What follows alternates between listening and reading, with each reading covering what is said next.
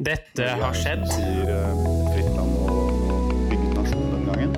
Da trengte jo eh, landet helter, og, og Fridtjof Nansen var på mange måter eh, riktig mann til riktig tid. Generation X versus Z. Sandberg Productions presenterer Den ekte samtalen om og med generasjon X og Z. Hold deg fast og nyt. Hei, hei, kjære lytter, og hjertelig velkommen til dagens episode av Generation X versus Z. Og i dag, kjære kompanjong, Ja så beveger vi oss litt uh, fram i tid, eh, til år 1887, og vår uh, falske venn uh, Vidkun Quisling. Ja. En uh, spesiell person. Mye historie her. Ja, og vi beveger oss jo da til en liten eh, dal eh, i Telemark. Ja, er det Fylesdal. Hva heter det? Jo, Fylesdal, ja. Fylesdal, ja. Eh, og det står jo her da at han ble født eh, 18. juli 1887 ble han født. Hvis du tenker på hans historie, da. Altså eh, faren og farfar og sånt, så, Ja, så var det en prestesønn. Prest, eh, ja faren var var jo en prestesønn. Men moren var eh, kristen. Ja. Veldig kristen. Ok. Og Moren eh, var også lærer. Så med de omstendighetene tatt i betraktning, så var jo han virker hun da veldig kristen og veldig autoritær i oppveksten. Ja. Men Vidkun han eh, gikk jo ut av skolen i eh, 1908, altså eh, Militærakademiet, med toppkarakterer. Han gjorde det, ja. Hva tenker vi om det? Nei, jeg tipper at uh, altså, både moren og faren til uh, Vidkun var uh, vel egentlig akademikere, så at han var sånn skoleflink var vel ikke så gæren. Han hadde jo også litt fysikk òg. Sterk. Så det var altså fysisk. Ja, så det Ja. Velbygd fysikk, han var veldig høy. Ja, jeg tenker det dro litt opp, jeg. ja, litt ned, da. Ja, og hvis vi stopper da litt i 1908, Mm. 1908, 1910, mellom der, så var han jo da 23 år, Mm. eh, og da vil jo det kanskje være en eh, mulighet å forme han på, da. Ja. Og da kom vel han Fridtjof Nansen inn i livet hans, ja. Kom han så tidlig inn i livet hans? ja? kanskje? Ja, ok. Ja. Eh, For han eh, lot seg jo fascinere da, av Fridtjof Nansen. ja, på den tiden så Nansen var vel Han var en helt. Ja. Som han så opp til, så det gjorde nok også Vidkun. For eh, hvis vi hopper litt fram til år 1923, da drar jo dem til det som i dag er Ukraina, og som den gang også var Ukraina, til Kharkiv, Ja. eh, for å yte nødhjelp. Eh, For det var veldig mye hungersnød og sånn i Ukraina. Og da var jo Nansen megleren, og Quisling var da det militære bidraget, da. Han var en medhjelper til Fridtjof Nansen, var det ikke det? Jo, han ble sendt ut på vegne av det norske militæret. Ok. For da å roe ned eventuelle konflikter, da. Ja. Det er rart å tenke på nå. Ja. Ja. Men han dro jo dit for å bli bedre i russisk, av alle ting. ja. Men, men tingene har sin forklaring, og det skal vi kanskje komme tilbake igjen. Han ble jo øh, gift øh, med en fra Ukraina, han Quisling. Ja, Han gifta seg ikke bare med én, men to Ja, To, ja. fra Ukraina. Og det ene var jo eh, rent proforma ekteskap. Det vil jo da si at man gjør det for at den ene eller den andre skal få noe ut av det, ikke av eh, kjærlighet nødvendigvis. For det andre ekteskapet var jo mer kjærlighetsbetont. Og han sender da sin første kone til Paris. eh, til en tante der, som hun hadde, denne kona, da. Mm. For hun ville ha henne vekk rett før eh, dette her skjer med 9. april og det greiene her. Da bryter han seg jo inn på NRK, Marienlyst, og begår da et statskupp. Som vi skal høre litt eh, senere. Ok. Men eh, hva tenker vi eh, før dette her, da? Hva tenker vi om barndommen hans og der han vokste opp i Frynnesdal og Jeg vet sannelig ikke, men det var jo Vi må se det i den tidssonen han ble født, da. Stedet. Ja. Telemark. Sent 1800-tallet. ja. Nasjonalismen eh, vibreres. Det var Eh, full blomst, den. Det var i full blomst, samtidig som han drar til eh, Ukraina med Nansen for å bistå med, med flyktninger og mat til eh, de fattige. Han blir nok farga veldig mye av ja, både forhistorien her, men ikke minst også det han opplever i selve Ukraina, med, med nød. Ja. Fattigdom. Det er like etter eh, den russiske revolusjonen. ja, det er vel midt i den russiske Ja, revolusjonen. det kan man jo egentlig si, da. Så han drar med seg de, de uheldige situasjonene og de negative konsekvensene eh, den revolusjonen eh, kom fram til, samtidig som at eh, første verdenskrig var slutt. Så det var nok en tøff tid han opplevde eh, på det tidspunktet i Ukraina, som han så, og opplevde selv. Selv om da eh, Han var jo ikke den fattige slasken der nede, men Nei, han han, han så mye. Ja, og han var jo fra en liten bygd eh, i Norge, så han kan vel sikkert ha kjent seg igjen i det, da, til en viss grad. Ja, jeg tror det var kultursjokk. Ja, det kan også ha vært, men han var jo sønn av en militæroffiser og en lærer, Ja. eh, som har vel ikke hatt den verste oppveksten, tenker jeg. Mm, Det vet jeg ikke. Han var jo en av eh, syv barn. Ok. Hva tenker vi så langt med den informasjonen vi sitter på nå?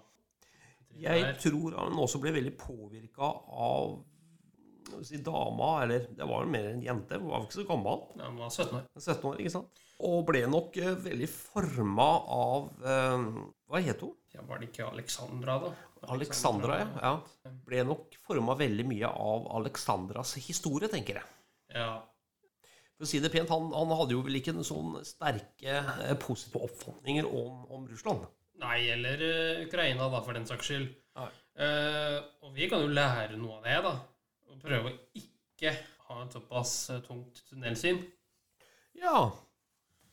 Hva tenker du nå? Altså, fordi nå er jo krig der Russland. eh, 100 år senere, ja. 100 år senere. Nå Mm. er det jo full, full rulle der nede. Ukraina er atter en gang eh, offeret her. Ja. Eh, Jeg tenker jo, som jeg har sagt tidligere, at det blir en eh, konflikt som kommer til å ligge og ulme i veldig mange år. I likhet med ja, Israel-Palestina da i dag. Ja, fordi du snakker jo jevnlig med en fra Ukraina. Mm, ja. Som ironisk nok eh, lærer meg russisk. Ja. Ikke sant? Eh, Men hun selv bor nå i Tyskland. Ja. Vi har hatt henne som gjest her eh, ved flere anledninger, og Det har vi. vil høre om det, så er det bare å bla nedover i arkivet. Men eh, tilbake til eh, vår venn eh, Quisling. Så vi kan jo si at uh, Quisling kunne kanskje ha vært venn uh, på det tidspunktet, før, uh, før han beveget seg ut på ja, midten av 30-åra. Ja, da ser man jo et vendepunkt i den historien hans. Hva skjer egentlig med han? Nei, han klikker. Det klikker. Ja, det klikker. Han blir lei seg, han blir oppgitt, han blir irritert På hva? Og på hvem? på alt og alle, virker det som. Han hadde jo ikke noe anger når han eh, det han gjorde, virker det som om. Ja, nå sikter du til eh, da han ble skutt. Ja, Akershus festning. ja rett før. Rett før. Eh, Nei, han var vel eh, veldig overbevist da, på det han gjorde under andre verdenskrig mot Norge. Men hva skjedde fra han var med Nansen i Ukraina og til 9. april 1940? Det som skjer, som er veldig prevalent, er at Nansen dør jo i 1930. Det preger han veldig, eller? Det preger han veldig. Ja vel. Han klikker, starter Nasjonal Samling Ja. og etablerer det, da. Men var han så innbitt, eller så tro på at kommunismen, eh, som hadde gjort så mye ugagn i Ukraina, at han hadde en angst for kommunismen, og at kommunismen skulle berøre også hans liv i Norge, og Norge generelt? Ja. Jeg vil jo tro det. Eh, og det statskuppet, det kan vi jo gjerne spille av eh, enten nå eller i senere episoder. Skal vi ta det kuppet nå? Ja, vi kan ta det kuppet nå. Oslo.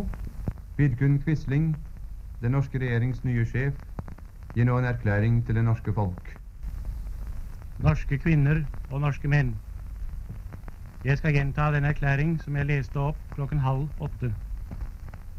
Proklamasjon til det norske folk. Etter at England hadde brutt Norges nøytralitet ved å utlegge minefelter i norsk territorialfarvann uten å møte annen motstand enn de vanlige intetsigende protester fra regjeringen Nygaardsvold, tilbød den tyske regjering, den norske regjering, sin fredelige hjelp, ledsaget av en høytidelig forsikring om å respektere vår nasjonale selvstendighet og norsk liv og eiendom. Som svar på dette tilbud om løsning av en for vårt land helt uholdbar situasjon, har regjeringen Nygaardsvold iverksatt alminnelig mobilisering og gitt den hensiktsløse ordre til de norske stridskrefter å motsette seg den tyske hjelp med væpnet makt. Selv har regjeringen flyktet efter således lettsindig å ha satt landets og dets innbyggeres skjebne på spill. Under disse omstendigheter er det den nasjonale samlingsbevegelses plikt og rett å overta regjeringsmakten for å verne om det norske folks livsinteresser og Norges sikkerhet og selvstendighet. Vi er de eneste som i kraft av forholdene og vår bevegelses nasjonale mål kan gjøre dette, og derved redde landet ut av den desperate situasjon som partipolitikerne har ført vårt folk opp i. Regjeringen Nygaardsvold er trådt tilbake. Den nasjonale regjering har overtatt regjeringsmakten. Med Vidkun Quisling som regjeringssjef og utenriksminister, og med følgende andre medlemmer. Professor Birger Meidel, kirke- og undervisningsminister. Politisjef Jonas Lie, justisminister. Dr. Gulbrand Lunde, sosialminister. Direktør Albert V. Hagelin, handels- og forsyningsminister. Arkitekt Tormo Hustad, landbruksminister. Professor R. Skanke, arbeidsminister. Godseier Fredrik Prytz, finansminister. Major R. Voslev, forsvarsminister.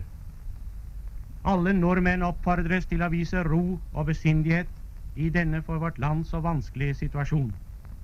Ved felles anstrengelser og alles godvilje skal vi berge Norge fritt og frelst gjennom denne svære krise.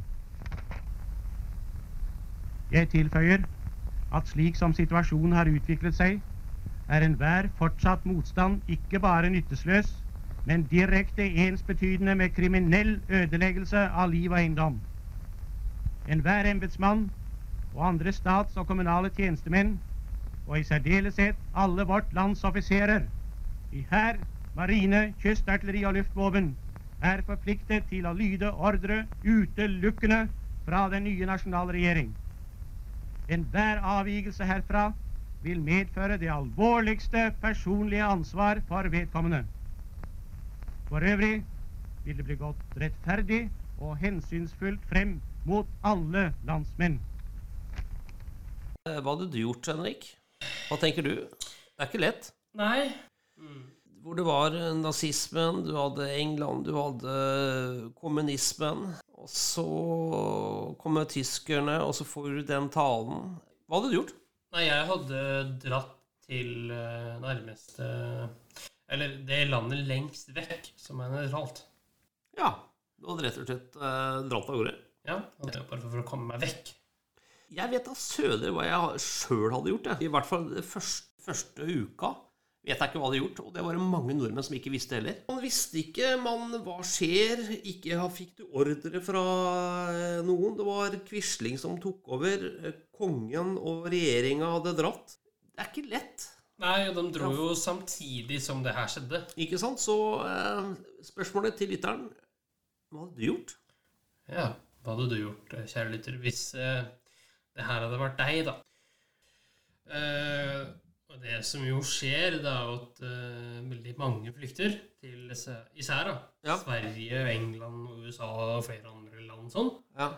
Jeg skjønner jo hvorfor det. At det var dere, kanskje? Nei. Nei. Vi skal fortsette denne diskusjonen uh, med ytterligere informasjon og historie, men uh, til neste gang, Henrik. Men har du, for å finne balanse, har du litt humor i deg? Ja. Prøve å balansere litt. Har du? Ja da, jeg har det. Ja, ja, ja, ja, ja.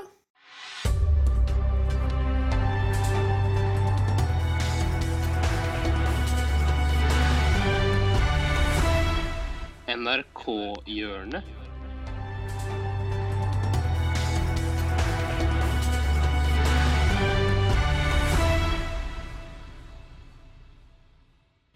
ja. Ja da. I dag Hacks Ikea. Okay. Jeg var på Ikea for litt siden, eh, og så eh, observerte jeg tidenes life hack på Ikea. Og det var Tidenes? tidenes. Spennende. Eh, mannen imponerte både dattera si og kona si. De sa oh! Det han gjorde, var at for hver gang han gikk forbi en eller annen sånn vare Nei, men Han tok bilde av strekkoden av varene. Oh, jeg hadde -hmm. også! Ja, ja. Det var det han sa nå. Eh, på varene. Ok. Så når du kommer fram til kassen, så kan du bare swipe alle bildene du har tatt, og så pipe de isteden. Er ikke det interessant? Litt som Tinder. Første jeg, kommer, første jeg tenker, for, Tinder for strekkoder. Første jeg tenker, er jævlig smart, men òg Jesus Christ, hvor mye er du på Ikea? Ja, det er sant. Det høres ut som en fyr det, det Med massiv, massiv kredittgjeld. Ja, om, om virkelig kona og dattera så på han eh, med store øyne og tenkte sånn Wow, du er rå! Eller Please, kan vi slutte å dra på Ikea? Jeg er så lei av å spise femkronerspølser til middag. Ja, så stopper eh, Hva, hva, var humor der, Henrik? Nei, humoren, det er at eh, det er en måte å forkorte besøket ditt på Ikea på. Ja, ja, ja. Jeg må kanskje lære meg det der. der. Ja, ja. Nå har ikke jeg vært på Ikea på 20 år, minst. Jeg har ikke vært på Ikea siden 2005. Jeg har ikke noen intensjon om å dra tilbake. Nei, ja. jeg eh, tror jeg hadde blitt såpass stressa at ikke jeg hadde verken hadde fått matlyst eller eh, skjønt hva jeg hadde kjøpt før jeg kom hjem. Ja, vet du hva? Eh, Ikea tar drepen på alle relasjoner. Takk skal du ha, gutten min. Da er vi to like. Så hvis eh, Quisling og koner hadde dratt til Ikea, Ja. hadde ikke det vart lenge. Du, du, tror ikke det? Nei. Det er fullt mulig. Eh, Det er bra. Men du, tusen takk for noe, gutten min. Altså bare, jeg bare gleder meg til neste uke, for da skal vi dypdykke litt. Du, du da? ja, Primært. jeg, jeg skal ta for meg hans eh, syv siste leveår fra perioden 1940 og til han blir skutt på Akershus festning. Ah, ok. Ja, men Da høres vi neste uke, da. Det gjør vi. Ha det godt så lenge.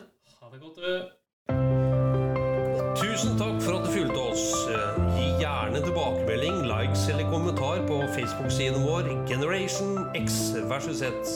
Velkommen igjen til neste podkastepisode. Hei då!